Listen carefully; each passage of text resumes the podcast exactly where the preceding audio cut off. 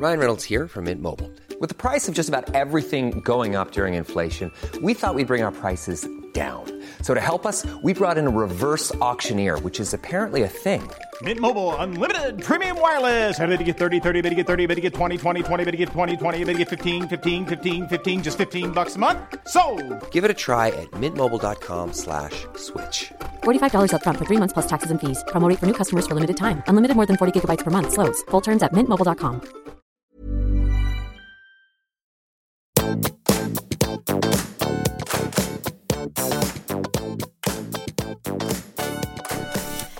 alle sammen, og velkommen tilbake til podkasten Karriereveiledning med Elaine.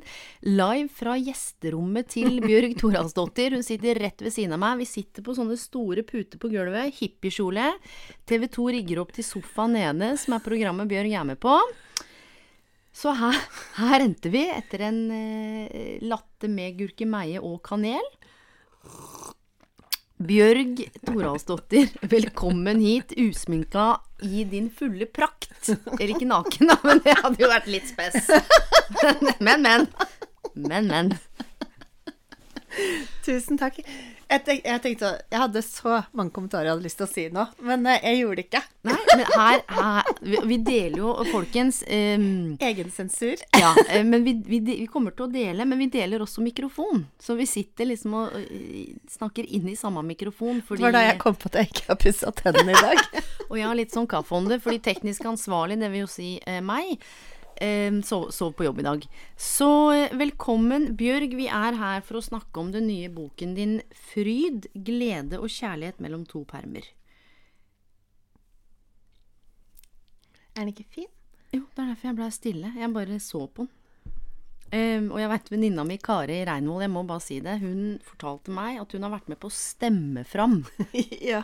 Jeg er så takknemlig dette for det. bildet, og så blei det det. Det likte Kari. Så Kari, nå veit Bjørg at du har vært med på å stemt fram. Kan ikke du fortelle bare kort om forsidebildet? En, um, Jo. ja. Det er en jente som Altså en hel jentekropp som strekker uh, armene ut til siden, og med hår som flagrer uh, fritt i vinden. Eh, og så har hun store sommerfuglvinger. Og det er litt fordi at jeg føler at det er min eh, rebirth også. For jeg har gått liksom helt sånn sårt ned i det kunstneriske. Jeg, har, jeg viser frem ting som jeg aldri har turt å vise frem før. Så det er liksom Det er skisser, tanker, ehm, sånn morgen- og kveldstanker, og det er liksom Og jeg føler at jeg liksom har vært i den kokongen så lenge. Så jeg ville helst ha det sommerfuglbildet på forsiden. Mens min redaktør og grafsdesigner ville ha et annet bilde. Og jeg har lært at et nei er jo eh, bare en eh, liten eh, rundkjøring til et eh, ja. Første key takeaway. Dette er viktig, for ofte når hun får nei, eller noen mener noe annet, så kan hun kanskje gå med det andre mener, fordi de er ekspertene. Ja. Men hvordan, hvordan kjente du, eller hvordan Nei, visste du at dette var riktig? Så da sa jeg da? bare at eh, da får eh, alle følgerne mine være med å bestemme. Og det ble de heldigvis med på. Ja. Så det var 35 000 som stemte. Og så ble det sommerfuglbilde. I klart flertall. Wow. Så det var jeg, jeg veldig glad for. Men jeg ville jo at jeg ville jo la, Det er en bok som jeg ville lage som en gave til alle som ønsker å ta den imot. Jeg vil jo gi fryd. Jeg vil jo gi glede. Sånn at jeg ville jo, så derfor så betydde det også mye for meg at folk kunne stemme frem bildet på forsiden. For det, det er jo til Det er jo til deg som hører på. Det er jo til dere.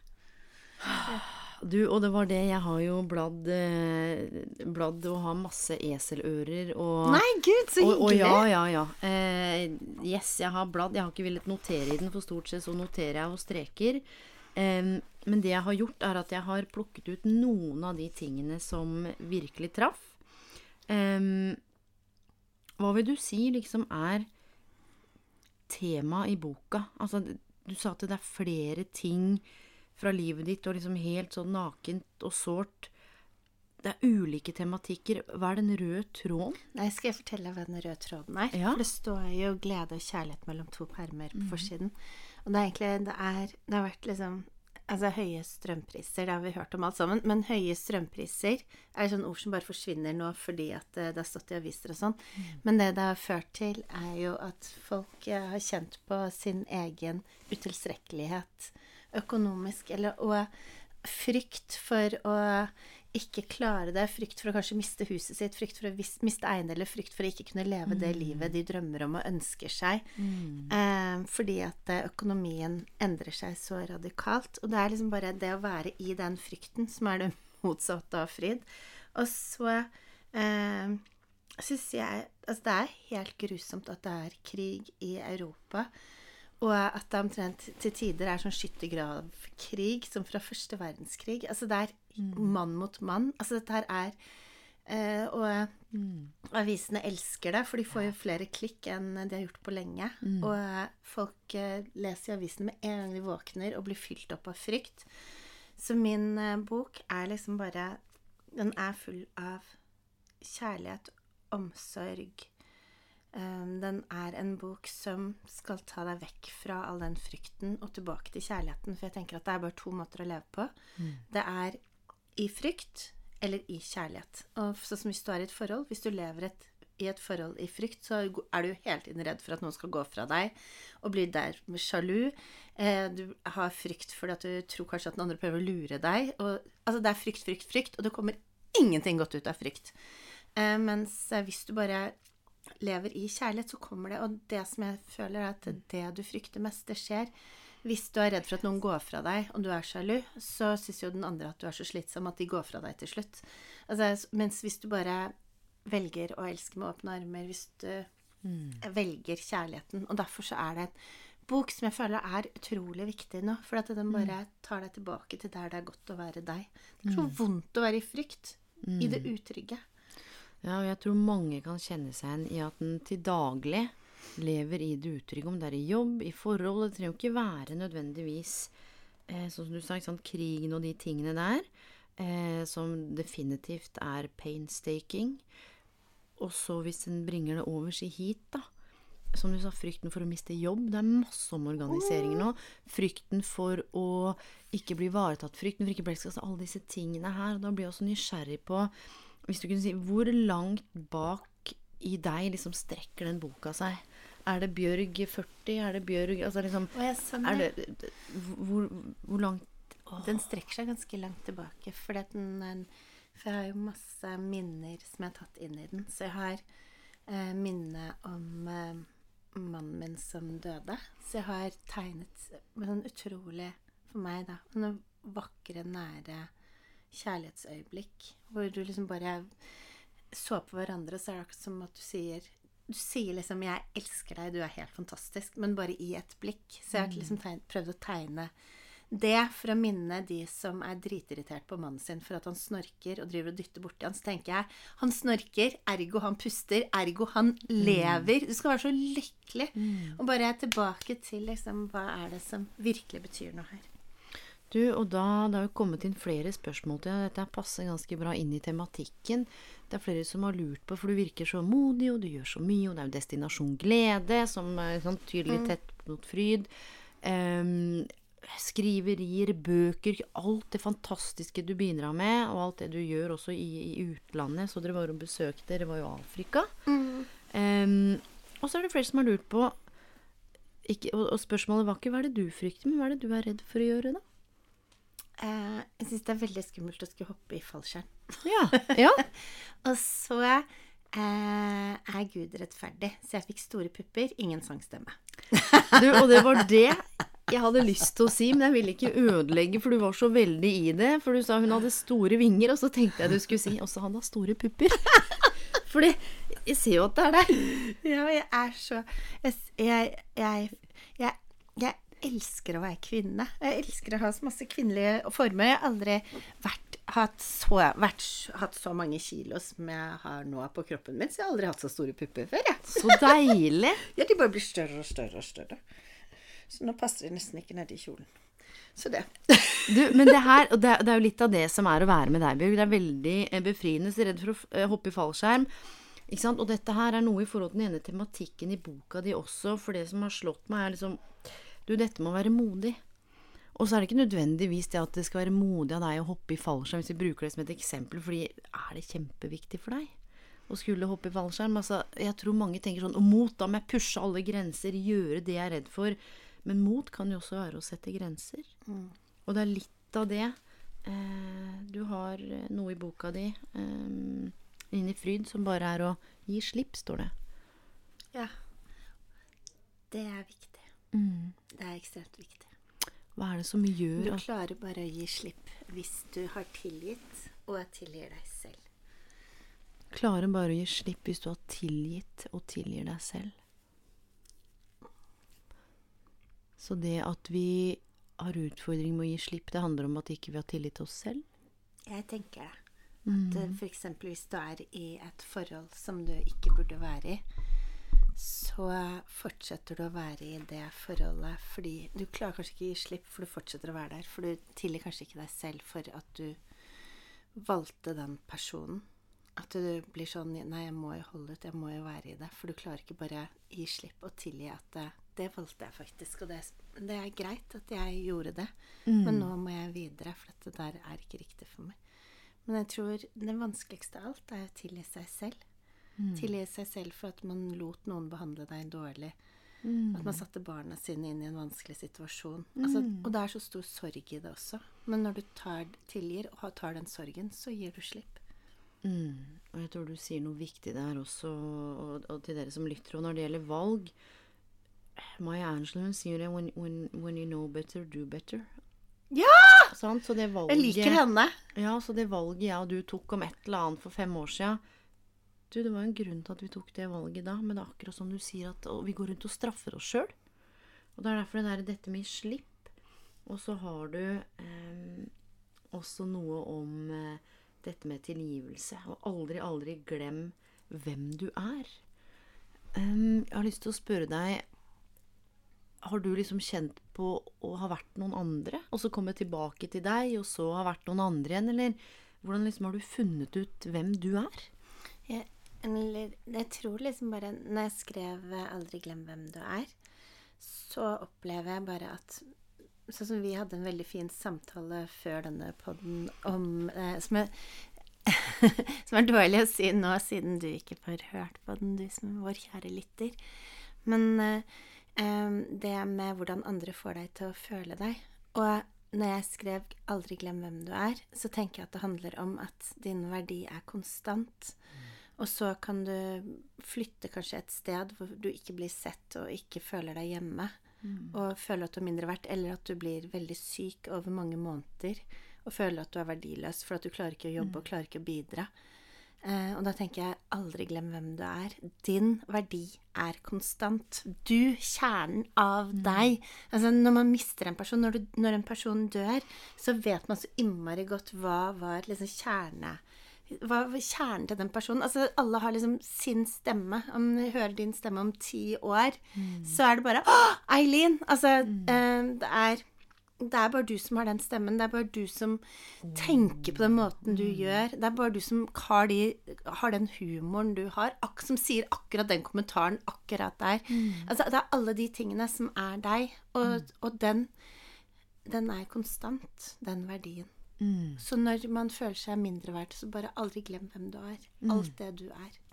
Du, du fikk meg til å tenke på noe som uh, traff meg skikkelig. Og det er derfor jeg ble litt sånn, ikke, ikke, ikke tårevåt, men jeg kjente det skjedde noe. Fordi jeg har jo en, en far på 85 og en mor på 75. Og du, jeg hadde en ganske sånn uh, tøff prat med de her om dagen. Fordi jeg har jo en sønn på fire, så har det jo skjedd en del ting. Og dette skal jeg koble inn mot boka di. Og så har vi litt ulik oppfatning av et par ting. Og så har jeg kjent at jeg har vært litt sånn Er det lov til å si at jeg har vært irritert på foreldrene mine? Er veldig lov. Jeg har hatt behov for å trekke meg litt unna.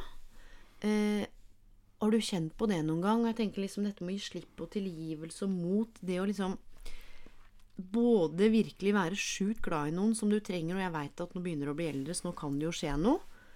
Eh, og jeg får sjukt dårlig samvittighet samtidig som jeg ønsker virkelig å være hyggelig, men det går ikke helt bestandig.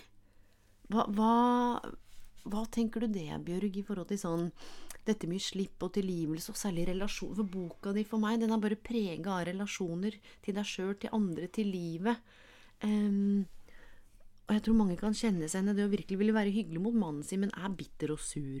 Eller har lyst til å komme til foreldra sine, men når jeg kommer opp dit noen ganger, så blir jeg sånn Åh, jeg får bare lyst til å snu. Er det helt drøyt å si? Nei, ikke det. Å, fy fader, jeg kjenner sånn hvis Jeg tror aldri de kommer til å høre på podkastene mine, for de veit ikke helt hva jeg driver med, men jeg ser for meg sånn Nå har vi bestemt oss, og bare Å, du har ikke lyst til å være Altså, skjønner du? Men ja, men hva, hva Hvordan kan det være en sånn ambivalens? Har du ikke kjent på det at du har lyst til å bli mot venninna di, men så er du litt sånn Hva er det for noe? Jeg, tenk, altså, jeg tenker liksom at det er tre forskjellige ting.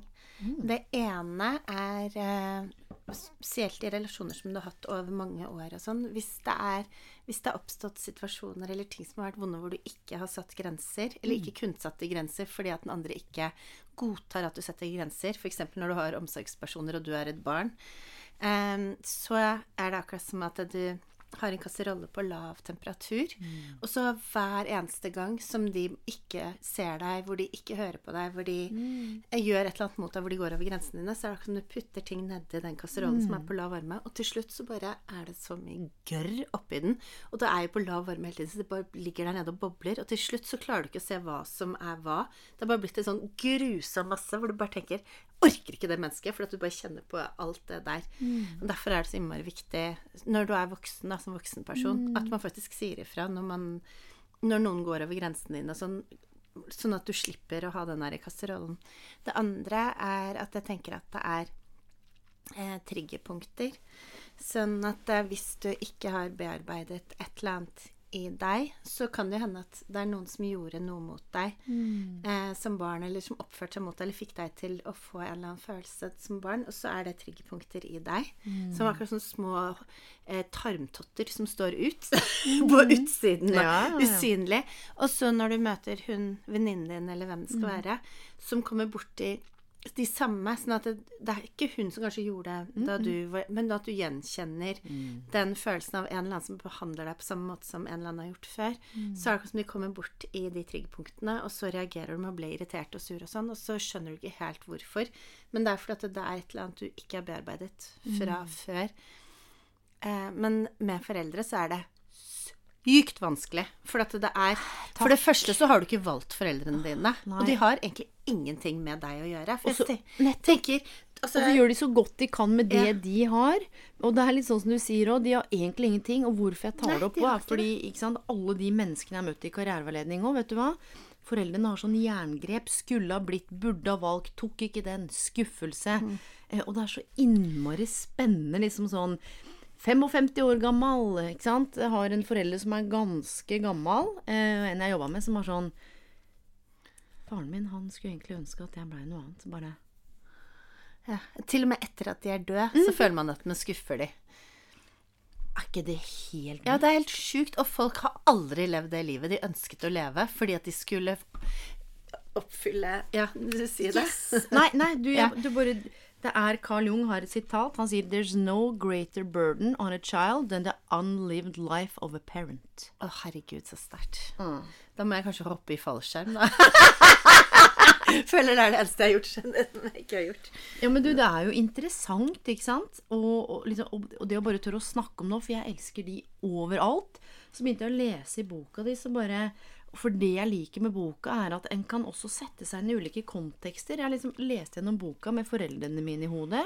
Så leste jeg gjennom boka med sønnen min i hodet. Oi. Og så leste jeg den gjennom liksom, i kjærlighetslivet mitt. Eh? Og liksom. Og så dukka det opp nye måter og perspektiver fordi jeg kobla på ulike kontekster inn i boka. Så kult. Og det var der det liksom bare Ja, ok, der ble jeg trigga litt i forhold til dette. Oi, det har jeg ikke tenkt på. Så sånn sett så kjente jeg inspirasjon i flere lag. Gir det mening? Ja, ok. Ja, det var fint. Det var bra. Men, altså, men eh, foreldre er sykt vanskelig. Mm. jeg bare ser med min egen sønn. Han har ingenting med meg å gjøre. Altså, vi har ingenting til felles. Jeg har sagt det mange ganger. Altså, det er helt er, altså, du tror, altså, Folk er sånn 'Å, jeg må få et barn som er mine gener'. Uh, altså, Sønnen min ligner ikke så veldig på meg. Og han er uh, Altså, alle hans interesser og sånn Altså, jeg har ingen like interesser og er helt, er helt forskjellige. Og det er derfor jeg mener at du får liksom Du bare får det du får. Ja. Sånn at uh, Altså Og der sa du det, for vet du hva? Bare før barn er født, så har vi foreldre Nå kan jeg snakke for meg sjøl òg, og jeg tror noe treffer noen òg. Apropos når vi har vært på foreldre. Men også barn òg. De kommer jo ikke inn i verden heller sånn du, de kommer inn i rammer og tanker og kontekster om hva som det er å være modig. Og at man, ikke sant, Du skriver 'ikke ta deg sammen, ta deg selv på alvor'. ikke sant, Men hvis jeg har ja, 'ta deg sammen' De kommer jo inn i sånn preprogrammerte tanker om hvem de skal være, hva de skal like, hva de skal bli. Og tenk deg hvor tøft det må være liksom, å, sånn, å bare bli født inn i det. Du er bare født inn i forventninger. Uansett, hva skal du bli, Bjørg? Og det er litt dette her. Ikke ta deg sammen, ta deg selv på alvor. Hva er det som gjorde at det, de ordene liksom ble til? Nei, det er kjempeviktige ord. Altså det, det, det er liksom bare en setning, men den, mm. altså den sier en hel bok, føler, opplever jeg i hvert fall. For det handler jo om å endelig ta dine følelser på alvor. Sånn som når et barn faller og slår seg, og foreldrene sier 'det går bra', så er det som å si 'dine følelser betyr ingenting', bare stopp følelsene dine bort og ta deg sammen og reis deg opp igjen. Istedenfor bare å si 'oi, hvordan gikk det', har, eh, hva skjedde med kneet ditt nå? Skal jeg blå Liksom bare Anerkjenne ja, ja, anerkjenne følelsene. Så helt fra vi er barn, så er vi liksom opplært til at eh, når du kjenner på et eller annet som er vondt og sånn, så bare ta deg sammen. Og ta, eh, ja. Eh, men å ta seg selv på alvor, eh, det er kjempeviktig, for da blir du et lykkelig menneske. Så den ene er eh, å være ulykkelig når du ikke anerkjenner deg selv og ditt liv. Og det andre, det er eh, når du anerkjenner dine følelser og er sånn Nei, jeg har faktisk ikke noe lyst til å reise på en hyttetur. Det er jeg er viktigst i mitt liv. Nei, gidder jeg ikke å dra på den hytteturen, for jeg vet at jeg ikke kommer til å få det noe fint. Jeg har mer lyst til å være alene hjemme og lese en bok. Bjørg, hvordan, hvordan starter man? Hva er liksom, Hvis du skulle si tre ting her, hvordan skal man ta seg selv på alvor når det er et samfunn som liksom forteller oss hvem vi skal være, hva vi skal tenke, hva vi skal føle, hvordan vi skal se ut, hva vi skal jobbe med? Hva, hva, hva gjør man? Mm, eh, man går på destinasjon glede. Ja, Ja, men jeg tror bare Altså, det er en veldig vanskelig vei å gå alene. Det er sykt vanskelig. Det er ingen som får lov til å slå seg i hodet fordi at ikke de er der nå, for det er kjempevanskelig. For det første så er vi bombardert med sosiale medier som eh, får oss til å sammenligne oss, og alle prøver å selge oss ting gjennom å få oss til å føle oss mindre verdt enn de modellene, som gjør at vi tenker å, vi må få det, må kjøpe det for å bli bra nok. Og så viser jo forskning at 50% av hvordan vi har det, er genetisk, 10% er det Instagram forteller oss, og 40% er tillært. Så jeg tenker at det jeg kan lære bort på sånn som Destinasjon Glede Jeg skal ikke få deg til å begynne på Destinasjon Glede, men det er bare ja, ja, jo, jo Ja. der, der jeg skal fortelle om noe etterpå, som handler om det. Yes. Nei, fordi at eh, det som er at um, når du får nok egenkjærlighet, så setter du deg selv først og forstår at det ikke er egoistisk. Eh, og da, når du har egenkjærlighet, så, så klarer du å sette grenser. Du klarer, altså det er svaret på alt for meg. Og det er den egenkjærligheten der. Eh, Jeg prata med Adina, hun var jo gjest for noen episoder siden. Som, som også Hun er jo daglig leder i Destinasjon Glede. Og jeg og henne vi har blitt enige om at jeg skal em, være med på Destinasjon Glede. Og så eh, skal jeg legge ut en liten snutt, en podkastepisode, sånn ekstraepisode, om eh, transformasjonene jeg kjenner på. Helt sånt nakent og helt ærlig. Så, Å, så fantastisk! så når vi er ferdig nå Dette er ikke noe spons, ikke betaler du, ikke betaler jeg. Det er, liksom, det er ikke noe sånt noe. Det er bare Ok, jeg skal se eh, Jeg skal se, og så skal jeg dele. Men har du begynt? Jeg har akkurat fått prata med Adina innlogg nå, og bøkene, så um, Jeg gruer meg, kjenner jeg. Og jeg gleder meg. Er det lov til å si det? At jeg ikke bare gleder meg? Er det frekt å si? Hva er det du ikke gleder deg til? Nei, du, jeg, jeg gleder meg jo, apropos det å ta tak i egne prosesser og sånn, men jeg veit at det er noen ting jeg må liksom dypdykke litt i. Jeg vet det er veldig slitsomt. jeg, jeg, jeg har veldig lyst til det, og vet du hva jeg er redd for noen ganger? Sant? Vi gjør jo ingenting uten at det gir oss noe. Så det å ha kanskje noen av de demonene eller noen av de triggerne, det er jo på en måte litt sånn trygt og godt. sånn at og så skal jeg liksom begynne å jobbe, jobbe bort det, og så liksom Men de har jo vært der, og de Skjønner du? De er jo en form for trygghet. Sant? Og du, eh, dette bringer meg liksom over til noen av spørsmålene som har kommet òg. Eh, apropos å bli trigga, og her er det faktisk flere som har sendt inn spørsmål. Har du opplevd at det er vanskelig å skille mellom hvem som vil ha Bjørg, Bjørg, bare deg, i alt deg, og hvem som vil ha um, Rånebjørg, kunstneren og forfatteren og den som er der ute og Har du lagt merke til det, eller hvor, hvordan gjør du det? Ja, nå skal jeg svare faktisk veldig ærlig.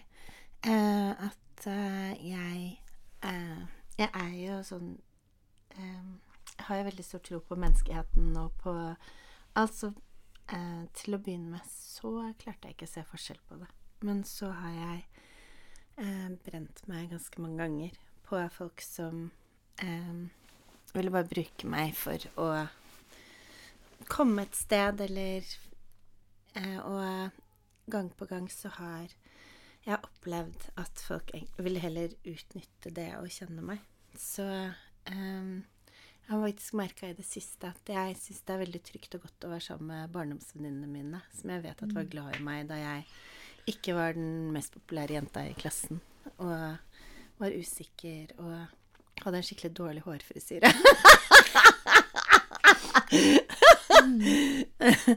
Eh, at, eh, og, eh, og at jeg eh, syns at det er trygt å være sammen med venner som kanskje har samme eh, sosiale status som meg. For da vet jeg at de er sammen med meg bare fordi at de er glad i meg for den jeg er, ikke for hva jeg gjør. Så eh, eh, Men jeg møter jo vanvittig mange koselige og fine mennesker. Og jeg, jeg tror ikke det er, Jeg vet ikke, men jeg tror ikke det er så mange som er ute etter å utnytte meg eller få noe ut av det. Men jeg har faktisk, siden jeg har brent meg en del på det, sånn ordentlig brent meg på det, liksom, så, eh, så er jeg i hvert fall mer åpen for det, for å se etter det, hvis jeg kan si det sånn. Ja. Eh, og jeg syns at det er ekstremt kjipt, for jeg har, jeg har opplevd noen skikkelig stygge, kjipe ting, så det er ikke noe gøy. Og det er noe med å Så har du jo bok og destinasjon glede, og du er jo synlig, men det er akkurat den derre em, Og det er det jeg merker i boka di òg, eller sånn som jeg tolker det. Derfor er jeg egentlig glad for det spørsmålet. Fordi det er jo ikke noen roller inni her. Det er bare deg. ja, ja, det er derfor den er så naken. Men jeg må si at jeg elsker mennesker. Så jeg får jo masse energi av mennesker. Jeg elsker å høre forskjellige historier. Jeg elsker liksom bare Jeg syns alle mennesker Du kunne skrevet en bok om hvert eneste menneskeliv, liksom. Så jeg elsker menneskemøter og alt sånt. Så det er liksom så jeg, Det er så viktig for meg at det er liksom At man ikke misforstår, for jeg er liksom ikke Mm, mm, du er ikke skeptisk, det er ikke skeptisk kynisk. Det er bare Det er flere som har liksom lurt på hvordan skiller du det å um, Vi snakka jo litt om kjendiser i stad. Altså før også. Hvordan, hvordan skiller en liksom hvem som er glad Ja, men det var fint. Og så er det noen som lurer på dater du? Og det er lov til å svare pass, da. Det er veldig hyggelig at noen lurer på Ja, deg. det er det. Jeg dater ingenting nå. Altså nada. Young, Det er free and single. Ja. Men jeg har, det ble slutt med han forrige kjæresten min i august. Og så tror jeg bare jeg har trengt veldig lang tid på bare hele hjertet mitt og være alene. Så jeg har ikke vært klar for det enda. Hva er det du har hatt behov for å hele det? Eh, jeg valgte Jeg tror jeg har hatt et kjærlighetsmønster som har vært litt destruktivt. Så jeg har ikke valgt det som har vært bra for meg. Så jeg har hatt veldig behov for å liksom finne ut hva som er grunnen til at jeg velger som jeg gjør. Mm, Litt sånn Nå har jeg gått ned den samme gata i 48 år og falt ned i det samme hullet. Så jeg tenkte jeg skulle ta en annen gate. Ikke det- bare og gå det er det du hullet. kjenner liksom at du har jobba med nå? Ja, og derfor så er det så viktig for meg å jobbe veldig mye med egenkjærligheten. For at da behandler jeg meg selv som om jeg er min egen datter. Jeg vil jo aldri ha latt datteren min date noen som fikk henne til å føle seg mindre verdt, eller andre ting. Du, og det der å få noen til å føle deg mindre verdt eh, Not until we are lost do we begin to understand ourselves. Mm, Jeg lagde det faktisk eh, da det ble slutt. Ja, for den her bare spratt litt sånn ut. Not until we are lost our, do we begin to understand ourselves. Det er veldig sant. Og det er akkurat sånn som de sier eh, med rusavhengige eller sånn, at eh, som Jeg synes det er forferdelig, for jeg har en jeg er veldig glad i, som bare er borte i flaska, og jeg vet jeg kan ikke gjøre noen ting. Og da satt vi sammen noen venner og bare Hva skal vi gjøre? Og da var de sånn Altså, vi, klar, vi har prøvd og prøvd, og det er ingenting funker. Så vi har bare sånn Nei, det er faktisk eh, den dagen hun når bunnen, da kommer vi og kan hjelpe henne. Men det er ikke før hun har nådd helt bunnen at hun vil ha hjelp og ser at det er hun som holder i flaska, liksom. Så, og jeg tror Jeg vet ikke om det var et dårlig eksempel, men det er derfor når du er fullstendig lost, det er da du kanskje bare Ja. Hva tenker du? Jeg kjenner eh, at det gir gjenklang, og det handler jo litt om 2022 for meg, og et samlivsbrudd som eh, fint brudd, men det er komplekst.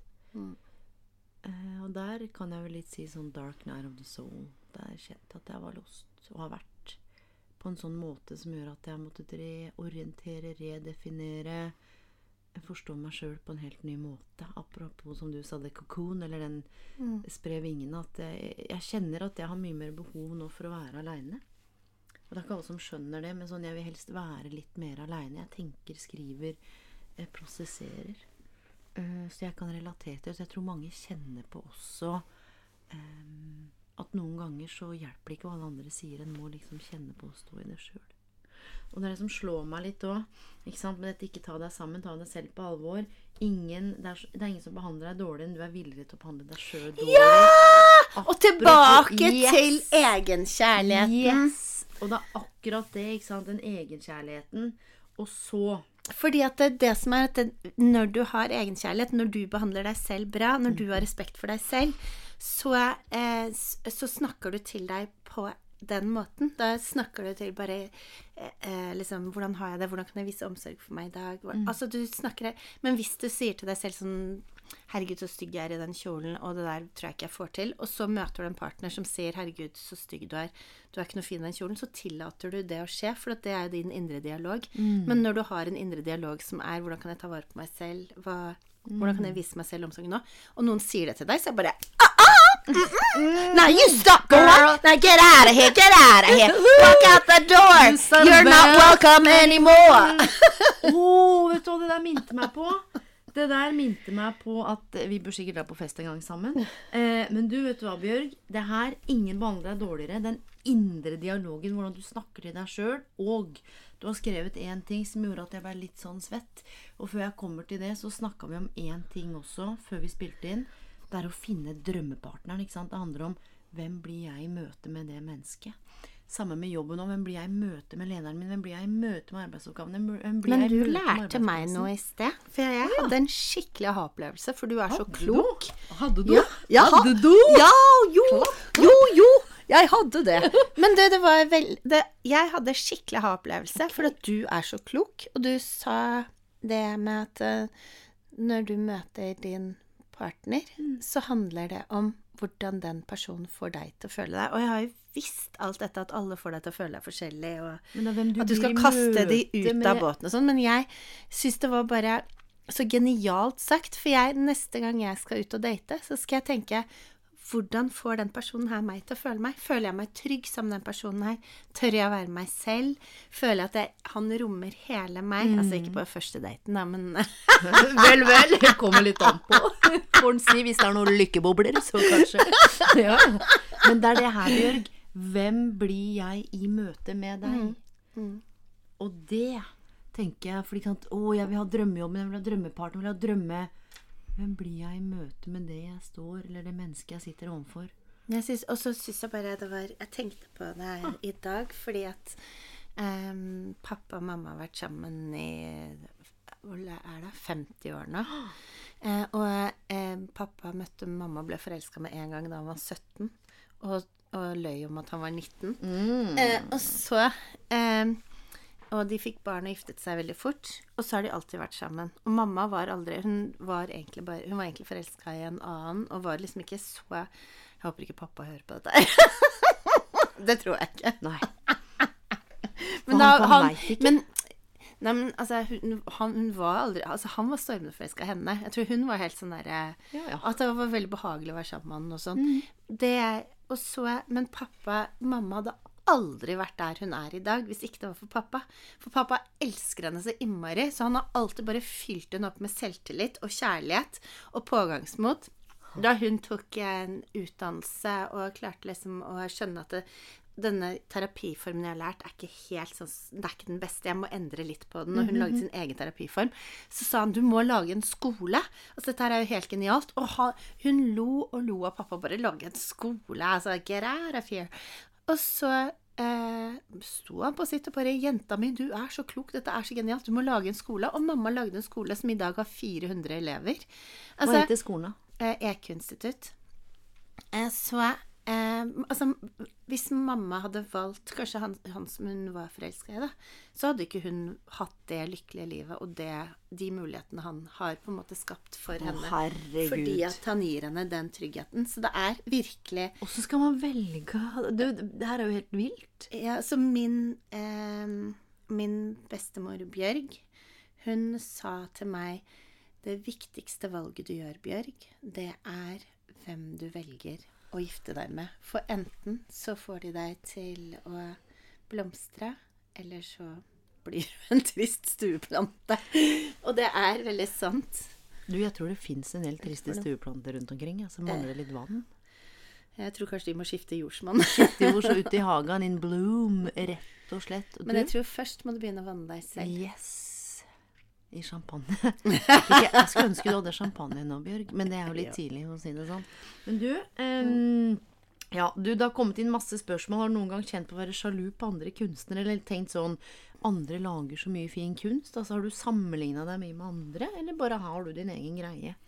Nei, egentlig alltid bare Men jeg har heller opplevd Jeg har opplevd ganske mye um, eh, Jeg opplevde ganske mye motstand da jeg kom tilbake til Norge, fordi at etter liksom et år etter at jeg hadde vært her, så solgte jeg helt vanvittig mye. Det gikk veldig, veldig fort, veldig, veldig bra. Og da opplevde jeg vanvittig mye sjalusi fra andre, som jeg syntes var veldig ubehagelig. Og så tenkte jeg alltid at sjalusi på andre kunstnere sånn handler jo egentlig om at, eh, at du tror at noen andre har noe som du ikke har selv. Og så tenkte jeg at de er jo så sykt flinke. De, mange av dem var jo mye flinkere enn meg.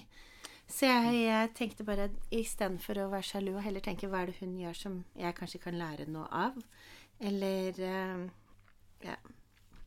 Så uh, Det visste jeg ikke. Eller at det, det liksom, folk var sjalu på deg. Jeg gikk, kom jo til Norge også fra da, da Eric døde. Så flytta jeg Det var tolv i to og et halvt, og jeg flytta til Norge. Og så innen to år så tror jeg jeg var Norges mestselgende kvinnelige kunstner. Grafiker. Jeg hadde, altså jeg, hadde, jeg hadde helt sykt mange utstillinger. Jeg hadde én utstilling i uka over hele Norge. Og Og du var alene, mamma.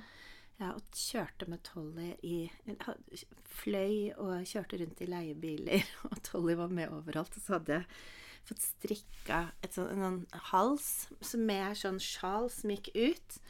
Sånn at det gikk ganske langt ut. Og så eh, altså Jeg ammet han sikkert altfor lenge. Men eh, jeg bare holdt han liksom i armen under sjalet mens jeg holdt foredrag og sånn. Mens jeg ammet han! Du må bare Naken kvinne lære, lære å spinne. For jeg hadde ikke noen barnevakt til han, jeg hadde ikke noen pappa. Så jeg eh, For du har vært 100 aleine, mamma. jeg, Og du har jo ikke akkurat hatt noe A4-liv. Du kjører ikke til Oslo, setter deg på kontoret og kjører hjem igjen klokka tre. Nei. Du har jo hatt et uh, Ja. Oi. Når du tenker tilbake nå, hva er det du har lært mest av? Av liksom det å være mamma og powerwoman, da? Altså drive sånn som du har gjort? Eh, eh, altså, eh, det er én er kanskje det at eh, Tilbake til det med sjalusi. At jeg tror ikke de som var sjalu, så hvor sykt mye jeg hadde jobbet. Jeg tror ikke de skjønner at det er ekstremt hardt arbeid i veldig mange år. Jeg hadde første utstillingen min da jeg var 17. Oi. Så eh, da jeg kom tilbake til Norge, så var jeg jo 30. Så da hadde jeg allerede holdt på i 13 år. Og jeg jobber Jeg har, jeg har ikke hatt en eneste ferie hvor jeg ikke har jobbet, eller en helg hvor jeg ikke har jobbet. Og eh, jeg syns det er veldig vondt å tenke på nå at jeg har ofret så mye tid fra Tolly, hvor jeg har vært fjern, vært sammen, men at jeg har sittet og jobbet og vært fjern fordi at jeg har jobbet. Eh, så altså det er Altså, jeg har jobba sykt mye for å komme dit jeg er i dag. Det er ingenting som har kommet gratis. Men jeg tror sånn utenifra så kan det se ut som at alt har bare kommet rekende på en fjøl. Og det er litt det jeg tror jeg ville fram til òg, for det er sånn Jeg en som har spurt om hvordan jobber du? For jeg tenker kanskje at eh, ja, du sitter og tegner litt og maler litt, og så er det ferdig. Mm. Men det er jo ikke fem minutter å lage noe, på en måte. Hvordan er det, Apropos med boka, hvordan er det du har jobba med boka, eller jobber med kunsten din? Nettopp som du sier, jeg tror ikke folk forstår how you pour your soul out, eller hva som liksom ligger i dette her, da. Ehm, for først må jeg bare si at det er veldig hyggelig å høre at uh, TV 2-gjengen som sitter under Ja, ja. oss, bare ler og ler. Ja, jeg er helt enig. Og du var så fin med de der for å rigge opp til sofa. Og du har gitt de tøfler, spurt om de fryser, du har skrudd opp varmen. De har fått spesial av kaffe, og jeg også fikk jo dobbel latte med havremelk og gurkemeie. Og det er liksom ikke måte på. Og hun ene som var her, hun um, De er her og rigger opp, og hun sa da at hun levde på den energien innen hvordan du behandla henne hele uka. Jeg ble veldig rørt når hun sa det. Tenk deg hvor mye vi kan bety for hverandre. Men det er akkurat det.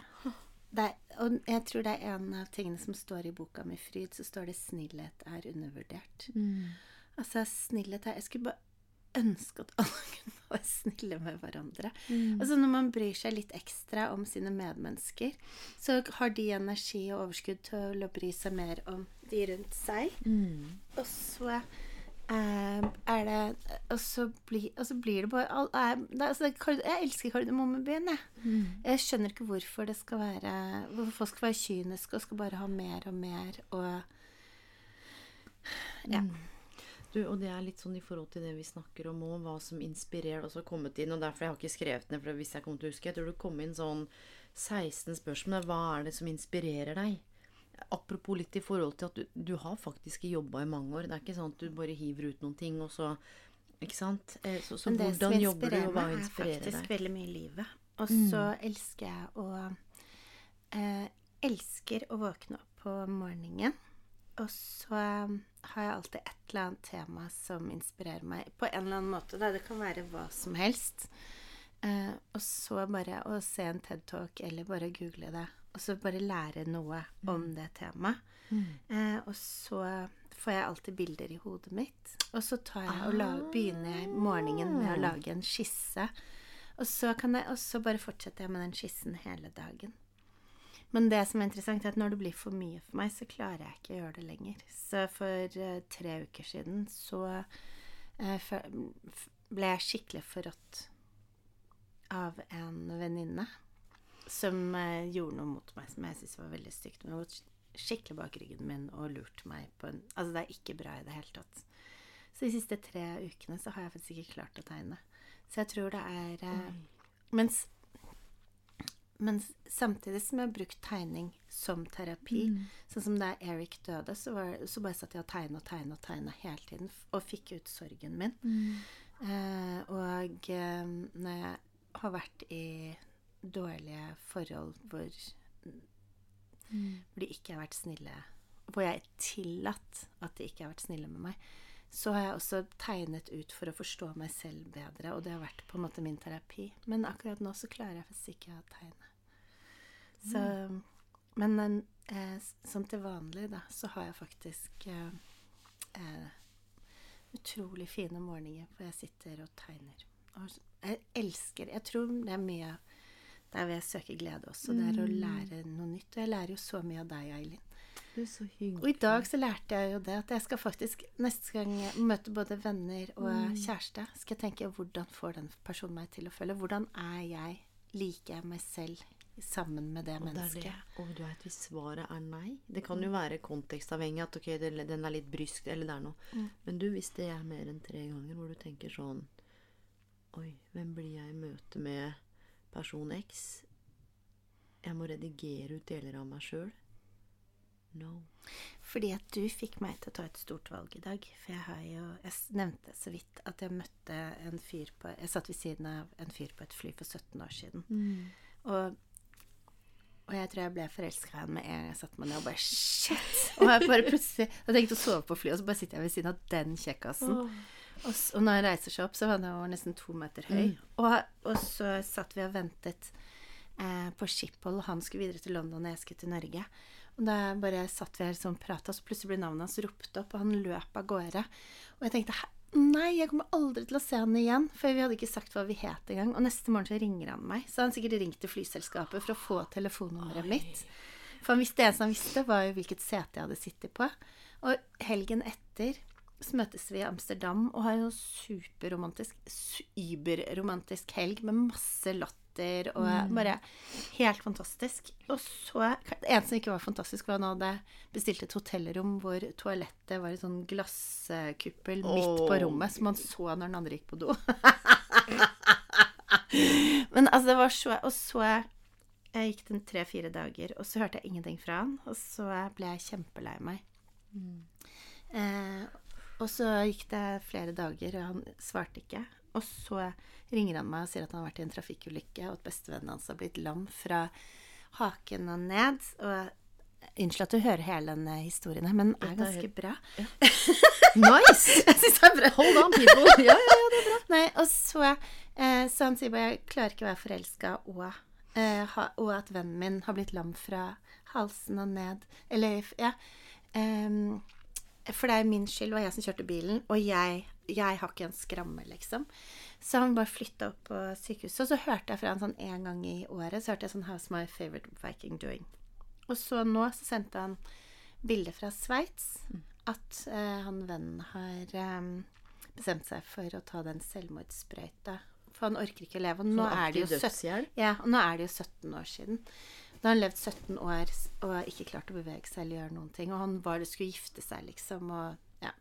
eh, og så, så han sender bilde av seg selv med han vennen og noen andre nære venner med, som drikker gravøl i Sveits før han vennen skal dø. Og så sier, spør han liksom Vil du møte meg nå? Og dette her skjedde nå for liksom kanskje et par måneder siden. Og så har jeg drevet og meldt frem og tilbake til han. Men eh, Ikke møtt den. Nei, ikke møtt han. Og jeg spurte om vi skulle møtes. Men han eh, Det som jeg vil frem til, er at han har alltid vært the one that got away. Og jeg var så sykt forelska, men jeg blir usikker eh, Bare når vi melder og alt sånt, så merker jeg at han gir meg så mye usikkerhet. Fordi at jeg eh, Og da, når du sa det, hvordan får han deg til å føle deg? Så tenkte jeg sånn Du, jeg skal faktisk ikke ha noe mer kontakt med han, for jeg vil ikke eh, ha et forhold til noen eller møte noen som får meg til å føle meg usikker. Jeg vil være sammen med et menneske som gir meg trygghet. Så du hjalp meg til å bare ta sånn sjefsavgjørelse nå. For at det, det har vært veldig hyggelig at han har tatt kontakt igjen Ja, og alt ja. det der. Men eh, jeg blir så usikker. Og det er ikke bra. Jeg vil ikke være usikker. Jeg liker ikke meg selv når jeg er usikker. Jeg vil være trygg. Du, og så er det noe med Og det er så fint at dere Så er det noe med den usikkerheten òg. Når vi kjenner på det, så slippes jo adrenalin, kortisol Du vet, Vi kan jo bli avhengig av den følelsen av å være usikker òg, for det gjør noe med oss. Du vet, Nervesystemet går i spenn. Den derre hormoncocktailene som fyrer. Du Vet, det går an å bli avhengig av å være usikker. Usikker avhengig av å bli dårlig behandla. Det visste jeg heller ikke! Og det er jo sånn at eh, hjernen vår skiller ut, eh, og så er det jo sånne nøkler. eh, Sånn at for eksempel dette for ti år siden, så når jeg jobba med, så kunne jeg bare fått kortisol intravenøst. Jeg var jo avhengig av doser med stress. Ikke sant? For da kjente jeg oh, der var jeg god. Også i forhold. ikke sant? Det å være avhengig av Eller når du blir sjalu òg. Blir dritsjalu på deg, gir jeg jo deg en sånn giftsprøyte. ikke sant? Jeg, så sier du sånn Nei, men det er deg jeg elsker. Ikke sant? Jeg blir avhengig av hva det derre gir. Så en blir hekta. Og det er jo det som er skummelt. En kan bli hekta på den usikkerheten. For det er et eller annet ikke sant? som rusher gjennom kroppen. Og det er liksom akkurat det du er inne på nå, da. Men hvem blir jeg i møte med han? Ok, det er den usikkerheten. Litt sånn spenning. ikke sant? Det kan jo forbindes med det. Men fy fader, så slitsomt. Å tvile på seg sjøl. Nei, men det er ikke noe bra i det hele tatt. Jeg, jeg har et så Jeg er velsignet med et så godt liv og så fantastiske venner og en nydelig familie. Og en fantastisk sønn som jeg elsker over alt på jord. Altså, jeg har det helt fantastisk. Jeg vil ikke ha inn noe som forverrer mitt liv, liksom. Da vil jeg at det skal bli bedre. Du, og det her bringer meg til um, det siste sitatet i boka. Det handler om døden. Eller altså, det er ikke det siste sitatet i din bok, men jeg har jo selvfølgelig gjort, det- gjort det samla sammen. People are stupid. They don't understand that they are going to die. Jeg vet. Døden snakker vi ikke så ofte om. Det er litt sånn tabu. Det er skummelt. Det er noe som skjer langt der fremme. Hva er det som gjør at dette er med i boka? Fordi at eh, eh, jeg fikk en gave da Eric døde, og det var å forstå verdien av eh, livet. Og at uh, vi kan dø når som helst. At det ikke fins en eneste ubetydelig dag i ditt liv. At i dag så lever noen som du er glad i, som kanskje ikke er her i morgen eller neste uke eller neste måned eller neste år. Det å bare at hver eneste dag er så vanvittig verdifull. Og det er alt sånn at du ser ting i retrospekt, retrospektiv, og så tenker du Hvorfor hadde jeg den krangelen? Når jeg, eller hvorfor, hvorfor var det så viktig for meg? Hva, hvorfor var jeg ikke mer sammen med hun eller han når du står ved kista? Um, eller som veldig mange gjør når de ligger på dødsleiet. Det er ingen som tenker jeg er så glad jeg jobba så mye. Det er akkurat det. Det de tenker på, er liksom hvilke relasjoner de hadde, og hva de gjorde. Og så heller bare tenke ok, nå er jeg, nå er jeg eh, 96 år, og jeg ligger på dødsleiet. Eh, hva er det jeg er takknemlig for i livet mitt? Og så bare tenker du ok, dette her er sånn som jeg vil leve livet mitt nå. For det, det de fleste angrer mest på når de ligger på dødsleiet, er at de ikke var snillere med seg selv. At de ikke danset mer og lo mer, og ikke tok ting så alvorlig. Du, det er akkurat det der. Det er så mye alvor, som vi snakka om i stad, med liksom eh, frykten og alt vi skal gjøre, og Er du redd for å dø? Eh, nei. Jeg fins ikke redd for å dø, men jeg vil helst ikke dø, fordi at jeg har veldig mye igjen å gjøre. og så har jeg så mange mennesker jeg er glad i her på jorda, som jeg ikke vil forlate. Og jeg har lyst til å se sønnen min eh, bli ordentlig voksen. Jeg har lyst til å se sønnen min bli pappa, hvis han blir pappa, da. Men jeg vil bare jeg vil være der. Og jeg, jeg elsker livet. Og jeg er så takknemlig for hver dag. Og så er jeg så sykt takknemlig for den nydelige kroppen min. Den er helt frisk. Veldig store pupper. Jeg må bare si det, fordi i stad så nesten som de hvelva ut. De hvelva ut. Ja. Og så har du litt sånn halvsexy bh på deg. Liksom. ja, ikke sant? Det er ikke noe sånn bh fra henne som Maurits dere. Til 79-90. Her er det stas under kjolen. Men jeg, får, jeg føler meg så fin. Ja, det- selv om det er bare jeg som vet at jeg har på meg fint undertøy. Det er akkurat det. Det er egenkjærligheten. Og dette her, sånn avslutningsvis um, Det slo meg fordi sant, jeg jobber med karrierebiten. Eh, og akkurat nå holder jeg på med et sånt eh, konsept som handler om å redefinere karrierekvinnen. Ikke sant? Når du tenker karrierekvinne, dress, eh, sånn powerhouse, løper rundt, sjonglerer, fikser, ordner. Ehm, det å liksom redefinere det til å være en som har egen kjærlighet. En som setter grenser. En som blir kjent med egne kjærlighetsmønster. Altså liksom de tingene ehm, som dere jobber med i Destinasjon glede, for der er det jo ulike områder og viktige områder i livet hvor man tar for seg ett og ett område, til og med økonomi. Og jeg var på The Well og lagde en podkast med en av lederne der. Vet du hvem jeg treffer da? Hun lederen, hun sier sånn Og hør nå. Søsteren min har alltid likt hest, men she's been off for lenge. Hun har vært med på Destinasjon glede. for Hun hørte at vi hadde hatt podkast sammen. Eller at jeg hadde vært på poden din. Og så hadde søsteren hørt på poden. Og så sa hun, eh, som hadde Jeg var på sånn Hun har fått et helt annet liv. Så nå rir hun bak der i skogen på hest. Eh, og det er flere sånn etter første runde som uoppfordra Det var en eller annen som skrev Jeg har telefonen der.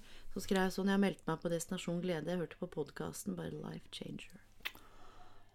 Nå ble jeg så glad for å høre. Det betyr så mye for meg. Ja, og jeg tror det er det som er viktig å få fram. Det er uh, It's the real deal.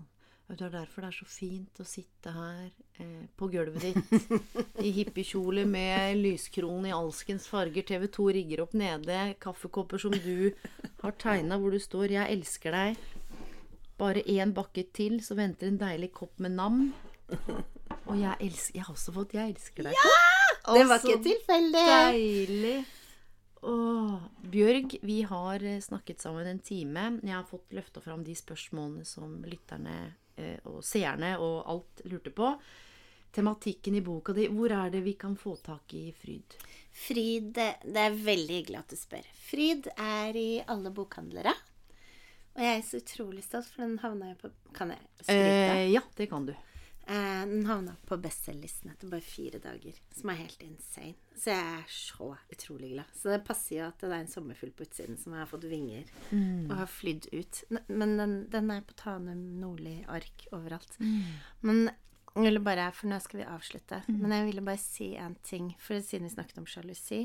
Altså, sjalusi er den verste følelsen. Jeg syns det er veldig bra at den heter svartsjukan på svensk, for det er akkurat det. Den er så svart, og jeg, det er så vondt å være sjalu, og det er, handler jo bare om usikkerhet. Og når man får egenkjærlighet, så slutter man faktisk å være sjalu, for da ser man sin egen verdi. Så og sjalusi Altså, jeg bare All min medlidenhet og kjærlighet til de som føler på sjalusi, for det er en helt grusom følelse. Du, det er, det er, den er så kompleks og så sammensatt. Den er liksom ikke sint. Den er ikke lei seg. Jeg tror den består av bare tusen følelser igjen. Og så blir man jo en litt annen utgave av seg sjøl, kan du si, hvis den blir sjalu. Det er sånn Folk Oi! dreper jo andre. Altså, det er helt Sjalusi er helt, helt, helt grusomt. Men, det, det, men jeg vil bare si at til de som er sjalu, som hører på, at, eh, at de har all min kjærlighet og medlidenhet, for det er helt jævlig. Eh, men at det finnes There's a cure som heter egenkjærlighet. Og når du ser din egen verdi, så skjønner du at du er bra nok. At du ikke trenger å være noen annen enn deg selv. Det er ingen som er bedre enn deg. Du er helt fantastisk akkurat sånn som du er. Du får noen fantastiske ord å avslutte med. Kan jeg spørre, Går det an å, melde seg på Destinasjon glede nå? Må vi vente? Nei, må vente til 15. januar 2020. Hvilket år er vi nå? 2023? 23. 24? Men er det noe som blir det lagt ut noe sånn at den kan melde Ja, seg på til neste? Ja, hvis du går inn på Destinasjon Glede nå, så anbefaler jeg bare å melde seg på nå. Ja, for det går an, og så er man klar til da er man klar til Og da har du bøkene når du starter, for jeg har laget eh, noen nydelige bøker. Yes. Eh, og jeg har begynt å lese den ene, den Min vei, eller den eh, mm. eh, og virkelig anbefale, og så skal jeg lage disse små snuttene. Jo, jeg gjør det fordi jeg tror på konseptet. Jeg tror ikke på sånne lettkjøpte tredagers eh, Wow, yes, og så endrer alt. Du, en må jobbe med ting, og det er der Det er et helvete. Du, det er, jo, vet du hva? Det er et helvete. Og skal jeg si en ting? Jeg har fått to nye verdier. Før så har jeg hatt frihet, mot, øh, helse. Vet du hva som har skjedd med meg forrige uke? Sto jeg og dusja, så kom bare depth. Altså dybde og disiplin.